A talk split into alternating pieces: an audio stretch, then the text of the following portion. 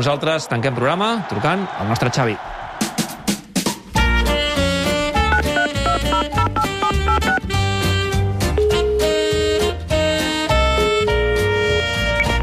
Assalam alaikum. eh. Què tal, Xavi?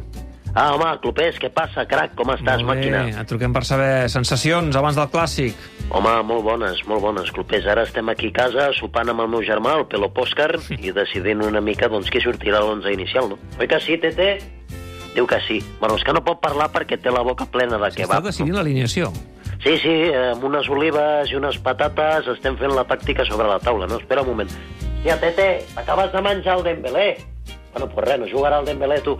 Bueno, potser Dembélé no surt d'inici, per motius tècnics. Però ets optimista, no? Creu, creus que es pot guanyar el Bernabéu?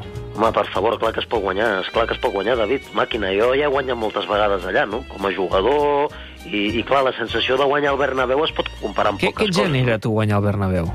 Home, guanyar el Bernabéu et posa a tope, et posa com una motomami, saps? Guanyes el Bernabéu i surts d'allà amb els pelopos duros com escàrpies, saps què et vull dir? Sí, sí, sí. I jo és que el Madrid lo quiero ride como a mi bike, m'entens? Perfectament. A més a més, ja sé que faig una mica de rabieta allà a Madrid perquè me quejo del césped, perquè m'agraden allà amb la senyera, perquè dic que els àrbits els ajuden, que tothom ho sap, però bueno. I això és maco, no? Fer ràbia al Madrid és maco. Molt bé, t'he sentit per cert a la roda de premsa que deia recuperació tras pérdida. El que passa que ho has dit tot en castellà, recuperació tras pérdida. Però sí, mira, i mira, quan ho dic mira. en català dic recuperació tras pèrdua. bueno, variants. Xavi, que vagi molt bé el partit. Adéu. Gràcies, abraçada. Tanquem tot gira. Adéu-siau, vagi bé.